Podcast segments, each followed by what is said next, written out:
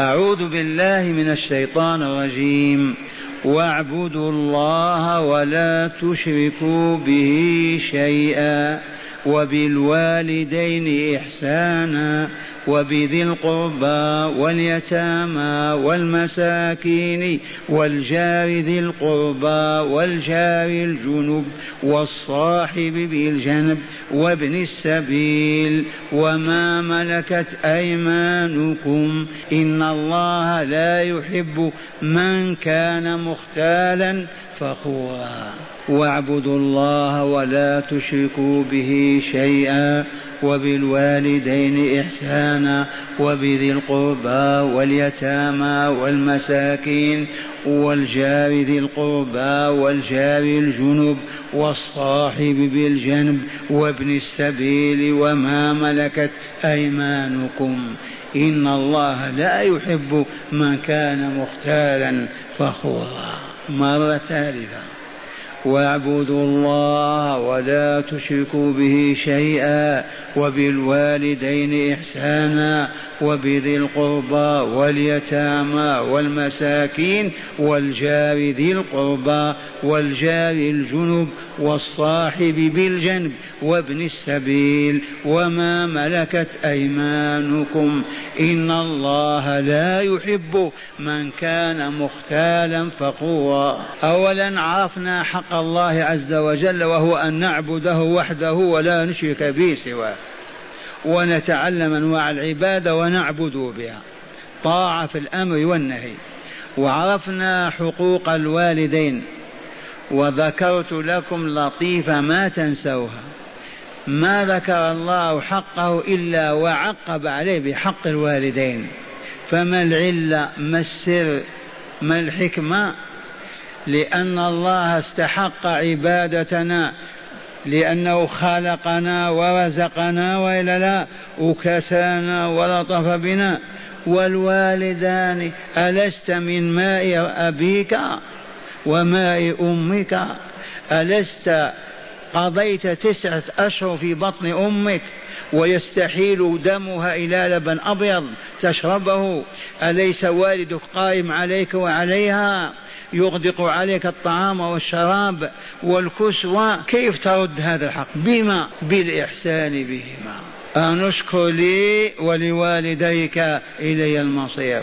وقضى ربك ألا تعبدوا إلا إياه وبالوالدين إحسانا. واعبدوا الله ولا تشركوا به شيئا وبالوالدين إحسانا. والإحسان إلى الوالدين والمراد من الوالدين الأم والأب. إلا أن حق الأم متضاعف ثلاث مرات. من أحق الناس بصحبتي يا رسول الله؟ قال أمك. قلت ثم من قال أمك ثم من قال أمك وفي الرابعة قال أبوك. والحكم واضح ولا لا؟ مثلنا مرة تعال نربط في بطنك نعل فقط ولا تنزح لا ليل ولا نهار. تسعة أشهر. تستطيع؟ ما يمتص منك دم ولا لحم فقط مربوط. تأتي إلى الليل ما تستطيع تنزعه فكيف بأم تحملك في بطنها وتتغذى بدمها؟ إذا ما الإحسان بالوالدين؟ أولا طاعتهما في المعروف فيما أذن الله تعالى بفعله أو تركه. إذا قال الوالد لولده قفنا يقف.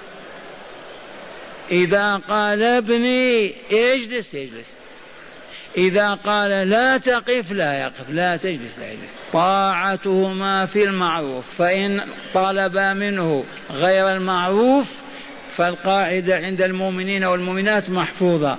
إنما الطاعة في المعروف. محفوظ هذا ولا؟ قاعدة قانونية. إنما الطاعة في المعروف لا طاعة لمخلوق في معصية الخالق. بعد طاعتهما في المعروف كف الأذى عنهما. أدنى أذى. كل ما يحدث ألم في نفس أبيك وأمك حرام أن تفعله. حتى رفع الصوت والانتهار ولا تقل لهم اف وتأتي آداب أخرى. منها أنك لا تريهم وجهك وأنت غضبان. تؤلمهم. لا تمشي أبدا وأنت أطول من أبيك وتمشي إلى جنبه ويصبح ودونك. امشي وراءه. لا تمشي أمامه كأنك تقوده صوتك منخفض عن صوته. تؤثره في المجلس في تناول الطعام في أي شيء هو المقدم. واخفض جناح واخفض لهما جناح الذل. تعرف الطائر كيف يميل بجناحه؟ أنت كذلك. أظهر الذل في نفسك لهم لا تتعنطر وختام الآية أن الله لا يحب من كان مختالا فخورا. وعقوق الوالدين من أكبر الذنوب. من مات عاقا لوالديه لن يدخل الجنة إلا بعد تصفية كاملة ممكن آلاف السنين بجهنم. وإن أمراك بمعصية الله فلا لا. أبدا. قال أبوك لا تصلي تطيعه قال أبوك سب فلان أو أضربه من المؤمنين تطيعه الطاعة في المعروف فقط. وبعد الوالدين وهناك حقوق ذكرها النبي صلى الله عليه وسلم للوالدين بعد موتهما. منها الصلاة عليهما ما حييت وأنت تستغفر لهما وتترحم عليهما طول حياتك بعد موتهما. ثانيا الاستغفار لهما. ثالثا صلة الرحم التي لا رحم لك إلا بها. من سائر الأقارب وأخيرا بر أهل ود أبيك أن تبر أهل ود أبيك. وقد عرفنا تلك الحادثة ما بين مكة والمدينة. كان ابن عمر رضي الله عنهما معتمرا أو حاجا ويركب على حمار يروح به على نفسه. عنده جمل ولكن الحمار معه إذا مل وسئم من ركوب البعير يركب على الحمار يروح. لأن المسافة تعرفون عشر أيام. واستراحوا وجاء سائل يسأل من البدو. فعرفه عبد الله فقام فأخرج عمامة كان يربطها على رأسه في الليل يستريح بها. أعطاه العمامة وأعطاه الحمار. فعجب مولاه نافع وقال يا مولاي هذا أعرابي حفنة التمر تكفيه لما تعطي عمامة تشد بها رأسك وحمار تروح بها على نفسك؟ قال أسكت هذا أبوه كان صديقا لعمر. هذا الذي تقول والده كان صديقا لأبيه. والحمد لله عرفنا عجوزا كانت صديقة لأمي أما أبي لا أعرفه توفي وأنا رضيع ولما عرفنا هذا العلم ذهبت إليها وأحسنت إليها وزرتها لأنها كانت صديقة لأمي. فهل تفعلون؟ إذا وبعد الوالدين وذي القربى أي الأقارب الأقرب فالأقرب أخوك أقرب من عمك ولا لا؟ وعمك أقرب من ابن عمك ولا لا؟ خالتك أقرب من بنت خالتك ولا لا؟ وهكذا الأقرب فالأقرب في حدود طاقتك. وعمر وضع قاعدة رضي الله تعالى عنه وهي قوله تعلموا من أنسابكم ما تصلون به أرحامكم. تعلموا أيها المؤمنون أيها المستمعون من أنسابكم ما تصلون به أرحامكم. أما الذي ما تستطيعون أن تصلوه كابن ابن ابن ابن كذا ما هناك حاجة إليه. لكن الذين تجب صلتهم تعلموهم.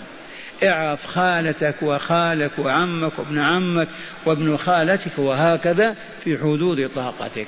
حقهم ماذا؟ الإحسان إليهم وذلك بإسداء الفضل والمعروف لهم وكف الأذى عنهم. كالوالدين. أقاربك أقرباؤك حقهم عليك أن تبر بهم وتحسن إليهم ولا تؤذي أحد منهم لا باللسان ولا بالمال ولا بالسنان أبدا. لأنك تجمعك وإياهم رحم واحدة. وهكذا الإسلام يكون المجتمعات المتضامنة المتكافلة المتعاونة. يبدأ بين العبد وربه ثم بين العبد ووالديه بين العبد وأسرته ثم ينتقل حتى تصبح الأمة كأنها جسم واحد وأن هذه أمتكم أمة واحدة. وبذي القربى واليتامى ما حقوق اليتامى؟ اليتامى جمع يتيم. من فقد أباه أما فاقد الأم لا يقال فيه يتيم. اليتيم من فقد أباه هنا هو الذي يعوله وينفق عليه ويكلأه ويحفظه هذا الذي فقد المعيل وهو الأب يتيم ولو في حجر أمه ولو في بيت جده. اليتامى ابتلاهم الله فقبض آباءهم امتحانا وابتلاء لحكم عالية ندرك أو لا ندرك. إذا امتحننا بأن نقوم عليهم. فلا ينقصهم شيء ونحن قادرون على مدهم به. الطعام الشراب الكساء الدواء دفع الأذى دفع الضرر حمايتهم واجبة المؤمنين والمؤمنات. حقوق اليتامى. أولا إياك أن تسلب من مالهم شيئا. أو تأخذ منه شيئا لا يحل أبدا لأنهم يتامى. وأكل مال اليتيم ظلما يتحول إلى نار في بطن الآكل. وقد تقدمت الآية الكريمة إن الذين يأكلون أموال اليتامى ظلما إنما يأكلون في بطونهم نارا وسيصلون سعيرا. فاليتيم بين المؤمنين محفوظ. يبقى إلى أن يبلغ سن الرشد وهو نقي طاهر كريم. يا شيخ أولادهم ضيعوهم. فضلا عن أولاد اليتامى. أولادهم يلعبون في الشوارع ويسبون الله. نحن علينا أن نتعلم ونبين. عرفتم؟ يجب على كل ذي ولد ألا يهمل ولده. يجب أن يحفظه. وتعلموا قاعدة عمر رضي الله عنه. عرفناها يا شيخ ما استطعنا نعمل بها. لما ما تستطيعون؟ أين طاقاتكم وأين جهودكم وأنتم المسلمون؟ هيا تريدون قاعدة عمر؟ لو وضعها كافر لتغنت بها إذاعات العرب والعالم انتبهت؟ لكن وضع عمر ما فيش آه لو قالوا شار الكذا. قاعدة عمر احفظوه طبقوها من الليلة إن شاء الله. يقول رضي الله عنه لاعب ابنك سبعة. لاعب ابنك بمعنى لاعبه العب معه في الغرفة التي فيها في الحوش الذي أنت فيه حتى تقوى بنيته وتسلم أعضاؤه. وأدبه سبعة. إذا انتهت السبعة الأولى املأه بالحكم والقرآن والسنة والمعارف. أحشو حشوة سبع سنوات وهو يبتلع. لا يبقى مثل ولا حكمة ولا موعظة ولا آية ولا حديث إلا ويحفظ سبع سنين وأنت تؤدبه واصحبه سبعة بلغ السادس عشر. إياك أن تتركه وحده. إن كنت نجار فهو معك في النجارة. كنت كالناس في البلدية اطلب إذنا له ووظفه معك يكنس معك في البلدية في الشوارع. كنت طباخ هو معك في المطبخ. خياط ملابس إلى جنبك هو يخيط فلاح هو إلى جنبك في المزرعة. أنت عسكري اطلب له العسكرية ليكون إلى جنبك. المهم لا يفارقك حتى تصل إلى فراشه وينام وتعلمه ما يقول عند النوم وتطفئ عليه الضوء. وقبل الفجر تأتي أنت وتقومه سبع سنوات. بلغ الواحد والعشرين يذهب حيث شاء. ألقي حبله على غاربه. أصبح مثلك ورثك وأنت حي.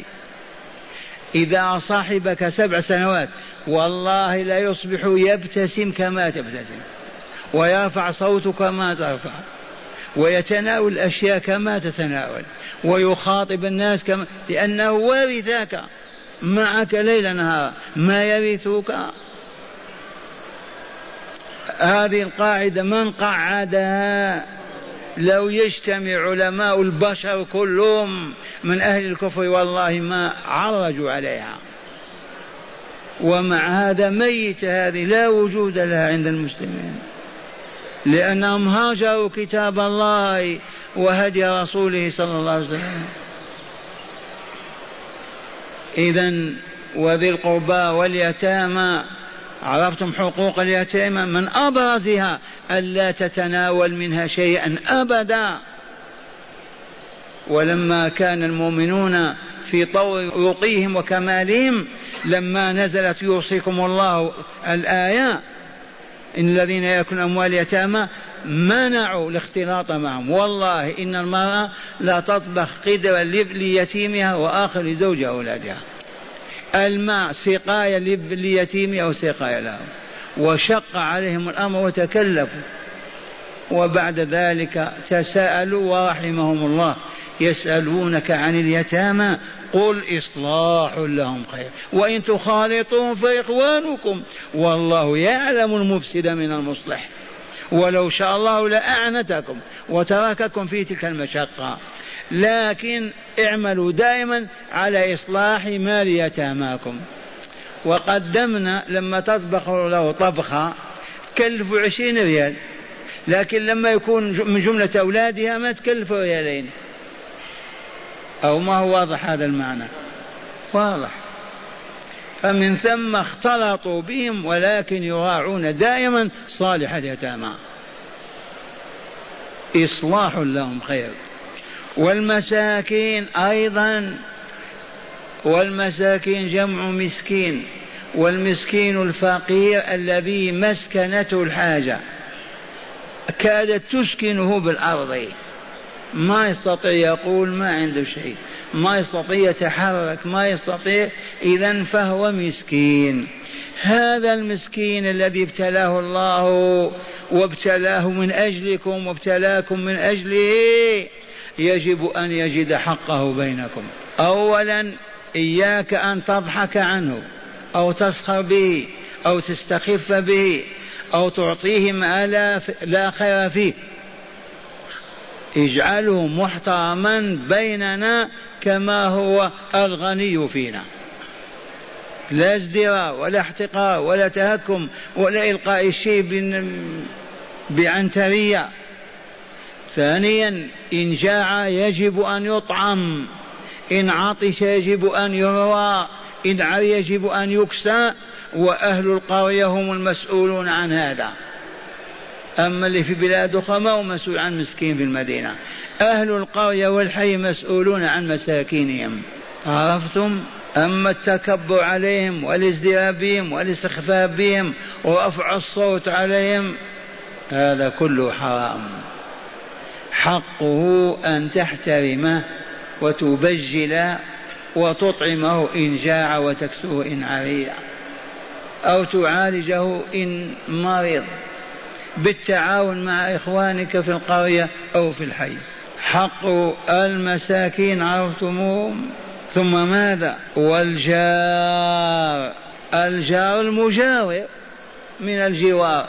هذا بيت وهذا بيت وهذا بيت وهذا بيت. بيوت في الشارع في القرية في الحوش في الحي. هذا الجار المجاور له حق. وهذه الصديقة عائشة رضي الله تعالى عنها وأرضاها.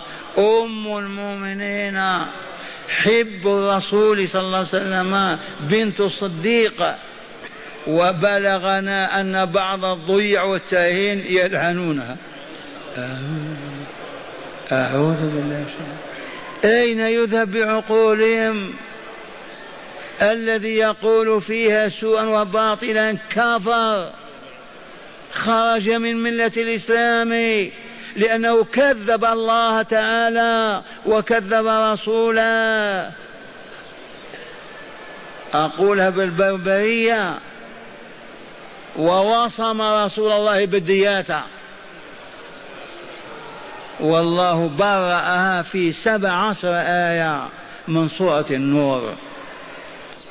وختمها بقول الطيبات للطيبين والطيبون للطيبات أولئك مبرؤون مما يقولون لهم مغفرة ورزق كريم. لم تقول هذا يا شيخ؟ لعلم أنه يوجد بين المسلمين من في هذا الضلال وإلا لا؟ لعل تبلغه كلمة أنا أقول يجب على كل واحد أن يسأل عن دينه وعن الطريق الموصل إلى ربه. ما يقلد شيخا ولا إماما ولا أما ولا أبا. اعمل على تزكية نفسك يا عبد الله لتنقذها من الخلود في نار جهنم.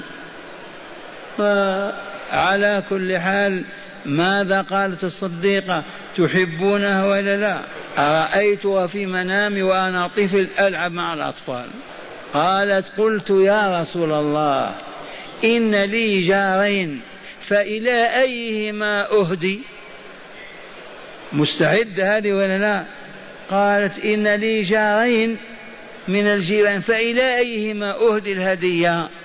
فقال إلى أقربهما منك بابا. الذي باب أقرب من الثاني إليك قدمي له الهدية. وما هي الهدية؟ حفنة تمر مرق كذا حسب الحاجة. فمن هنا الجيران الأقرب في الأقرب. الأقرب منك وراد أن الجيران يكون أربعين دارا. كذا ولا لا؟ ولكن طاقتك تتسع لهذا كله في حدود طاقتك كما قدمنا في ذوي القربى. إذا وهنا قالت العلماء الجيران ما يلي جار له ثلاثة حقوق وجار له حقان وجار له حق واحد. قال تعالى والجار ذي القربى وإلا لا الجار صاحب القرابة. هذا له ثلاثة حقوق. حق الجيرة وحق القرابة والرحم وحق الإسلام. كم حق له؟ وجار له حقان فقط حق القرب المنزل وحق الإسلام. مؤمن مجاور لك له حق الجيرة وحق الإيمان وإلا لا. وجار له حق واحد وهو الجار البعيد كافر أو غير مؤمن. الجار البعيد ما له حق واحد وهو حق الجيرة يبقى كونه كافرا وإلا ما هو من أقاربك شأنه. المهم الجار الذي هو ليس من أقربائك والغالب أنه يكون كافرا يهودي أو نصراني وهو جار كم حق له؟ حق واحد فقط. هذا والتعاليم النبوية في هذا الباب كثيرة اسمعوا منها. قوله صلى الله عليه وسلم لقد أوصى ما زال جبريل يوصيني بالجار حتى ظننت أنه سيورثه. كثر علي من الوصية حتى جاء في قلبي ممكن يورثه بالسدس وإلى الخمس وإلى العشر. كباقي الورثة. لكن ليس بمورث ولا بوارث ويقول صلى الله عليه وسلم من كان يؤمن بالله واليوم الآخر فليكرم جاره من كان يؤمن بالله واليوم الآخر فليكرم جاره يكرم معناه لا يهنه ولو بنظرة شزراء ويقول صلى الله عليه وسلم والله لا يؤمن والله لا يؤمن والله لا يؤمن. من يا رسول الله؟ الذي لا يأمن جاره بوائقه. الذي لا يأمن جاره بوائقه وطوامه ومهلكاته لا يدخل الجنة. ما آمن. إذا والإحسان إلى الجار بالكلمة الطيبة إذا احتاج إلى مرق إلى كبريت نار إلى ماء إلى دابة إلى كذا وأنت قادر. مع كف الأذى مطلقا لا تؤذيه في طفله ولا في أهله ولا في بهيمته ولا تأتي بالسيارة وتغلق عليه باب بيته. كما نفعل. يأتي بسيارته ويعترض في بابه منين يدخل؟ ما يجوز.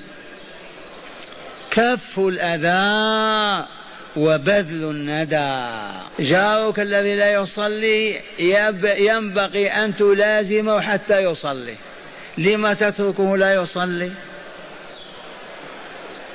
يجب أن تدعوه حتى يصلي.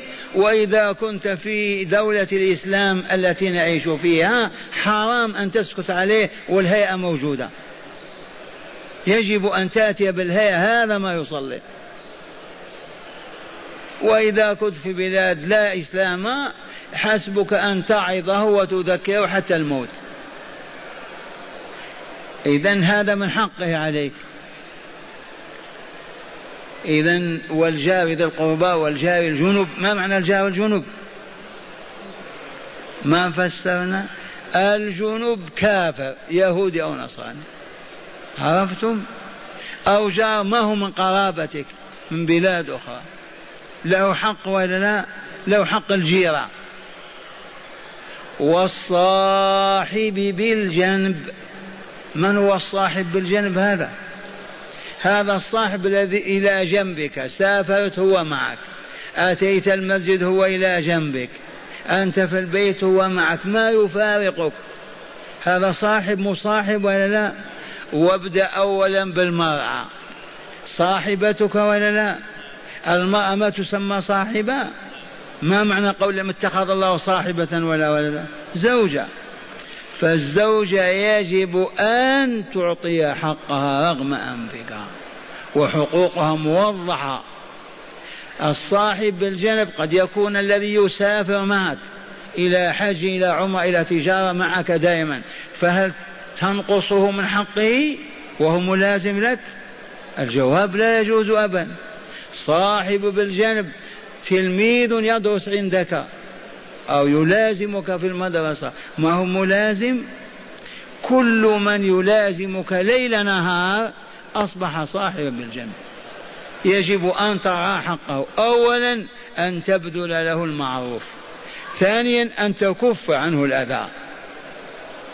لا يتأذى منك إذا كان يتأذى بصوتك العالي ما ترفع صوتك.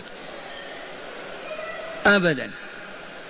أوصاك الله بهذا. الصاحب بالجنب. عرفنا الصاحب الزوجة المسافر الذي يوافقك في الطلب في العمل وهكذا. وأخيرا التاسع وابن السبيل. السبيل هي الطريق ولا لا؟ السبيل الطريق. في القرآن معنى السبيل ولا لا؟ ماذا قال تعالى؟ ولا فلا تتبعوا السبل فتفرق بكم عن سبيله سبيل الله الطريق الموصل إلى رضاه. والسبل الأخرى طرق الشياطين والمبتدعة والضلال. السبيل الطريق. كيف قلنا هذا ابن الطريق؟ لأننا ما عرفناه إلا منها. وإلا لا. دخل القرية أو دخل البلد ما نعرف له أم ولا أب ولا قبيلة ولا بلد. منين هذا؟ هذا ابن الطريق. باختصار عرفناه فقط في الطريق. ابنها ولا لا؟ ابنها. وإن قلت كيف؟ هذا الله عز وجل هو الذي أطلق هذا الاسم. ابن السبيل ابن الطريق. تبات حقه إذا استرشدك يجب أن ترشده. إذا استعلمك يجب أن تعلمه. إذا استضافك يجب أن تضيفه. إذا قدم حاجته إليك من جوع أو كذا ينبغي أن تقضيها. ومن هنا لو أخذنا بمبدأ التضامن الإيماني إذا دخل أبن السبيل القرية لا يخاف أبدا. آمن في ماله في دمه فيما عنده لا يحتاج إلى طعام ولا إلى شراب وإلى كساء أو أذى حتى يسافر. ويعطى هذه الحقوق ولو كان في دياره من أغنى أهل بلاده. لكن وصل عندنا ما عنده شيء. كان قبل هذه الأعصر إذا دخل الضيف ابن السبيل أهل القرية يقومون به. ما يوجد فندق ولا مطعم ولا ولا فمن يقوم به؟ أهل القرية الآن في فنادق مطاعم استراحات فإذا كان لديه مال ما هو في حاجة إلى أحد. لكن إن انقطع ما عنده وعلمت انقطاعه يجب أن تؤدي هذا الحق. أنت وإخوانك المؤمنون. وابن السبيل. قال وابن الس... وصاحب الجنب يشتغل معي طول العام صاحبي وإلا لا؟ قال نصحت له بأن يترك الدخان غاضب علي وما كلمني. أنت أديت واجبك وإذا رأيته سلم عليه وعليكم السلام وأعيد المرة الثانية والثالثة بلطف حتى تؤدي حقك معه. وأخيرا الحق العاشر وما ملكت أيمانكم ما عندنا يا شيخ. لا خادم ولا خادم. لما لأن سيوف الجهاد قطعناها وكسرناها من ألف سنة. أين الذين ملكت أيمانكم؟ يقول الرسول صلى الله عليه وسلم فيهم للمملوك طعامه وشرابه وكساؤه. هذا حقه. طعامه وشرابه وكساؤه ولا يكلف عملا لا يطيقه. تحفظ هذه. المملوك على مالكه طعامه وشرابه وكسوته وأن لا يكلفه من العمل ما لا يقدر عليه ويطيقه. وفي هذه الأحاديث النبوية يقول صلى الله عليه وسلم ولا يقول أحدكم هذا عبدي وهذه أمتي. يصبح كأنه هو الله بل يقول هذا فتاي وهذه فتاتي. لأنه إذا قال عبدي معناه ترفع وأذل وأهانه وإذا قال هذه أمتي معناه أنه تربب عليها واستعلى فحطم معنوياتها وهي مؤمنة. فاستبدل الحبيب صلى الله عليه وسلم. هذه عبارة بهذه؟ لا يقول عبدي لا يقول هذه أمتي. الله الذي يقول هذا عبدي وهذه أمتي. قل هذا فتاي وهذه فتاتي. حفاظا على كرامتهما وإبقاء على شرفهما أليسوا عبيد الله مثلك؟ لا سيما إذا كان مؤمنين صالحين. يجب أن تتطامن وأن تذل لهما. وإن كنت تامر افعل ولا تفعل. والإحسان إليهما واجب ولا لا؟ هذا حق من حقوق العشرة. وختم الله هذه الحقوق بقوله إن, إن الله لا يحب من كان مختالا فخورا. من منكم لا يبالي أحبه الله أم غضب عنه؟ أعوذ بالله. والله لو نعلم أن الله غير راضي عنا لمتنا. كيف تعرف أن الله لا يحبك وتسعد وتأكل وتشرب؟ إذا فتجنب كل عمل قلبي أو جوارحي من شأن أن يغضب الله تعالى عليك. إن الله لا يحب ومن لا يحبه الله يسعد. والله ما سعد إن الله لا يحب من كان مختالا. المختال الذي يتبختر في مشيته تكبرا وتعاليا ليهين أصحاب الحقوق ويزدريهم وينظر إليهم بنظرة شزراء هذا النوع لا يحبه الله لأنه أراد أن يسلب الله صفات الكمال. الكبر لمن؟ الله أكبر. الكبرياء لله فمن أراد أن يتكبر أراد أن يأخذ من صفة الله عز وجل والشيطان هو الذي أغراه وفتنه والعياذ بالله. إن الله لا يحب من أبيض أسود في الأولين في الآخرين رجل مرأة حر عبد من كان مختالا وفخورا.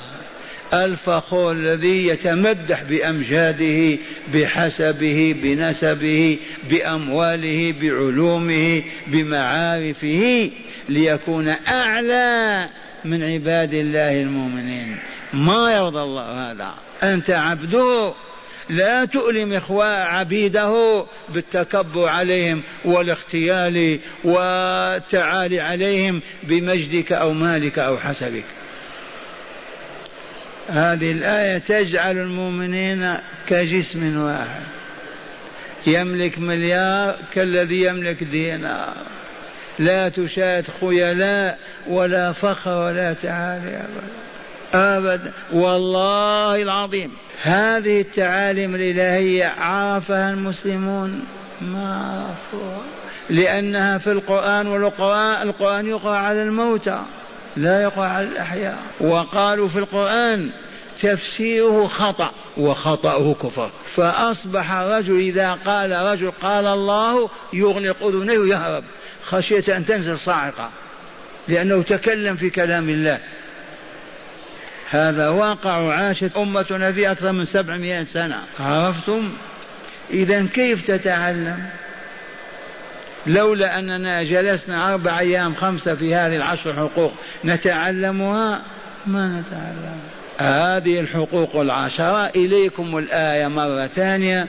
واعبدوا الله ولا تشركوا به شيئا وبالوالدين إحسانا وبذي القربى واليتامى والمساكين والجار ذي القربى والجار الجنب والصاحب بالجنب وابن السبيل وما ملكت أيمانكم. فإن كانت الأخرى إذ لا يمنع من هذه الحقوق إلا نوع الكبر والتعالي. قد يتكبر حتى على والديه. تبهتم ولا لا؟ ويسخر منهم. إن الله لا يحب من كان مختالا فخورا.